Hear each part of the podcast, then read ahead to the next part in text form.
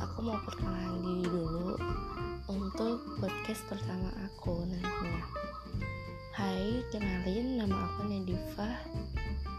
Di sini aku punya dorongan bikin podcast karena aku sering denger podcast di Spotify dan banyak banget orang yang butuhin podcast ternyata untuk mereka dengarkan entah itu motivasi atau tentang informasi. Let's hear my podcast. Semoga suka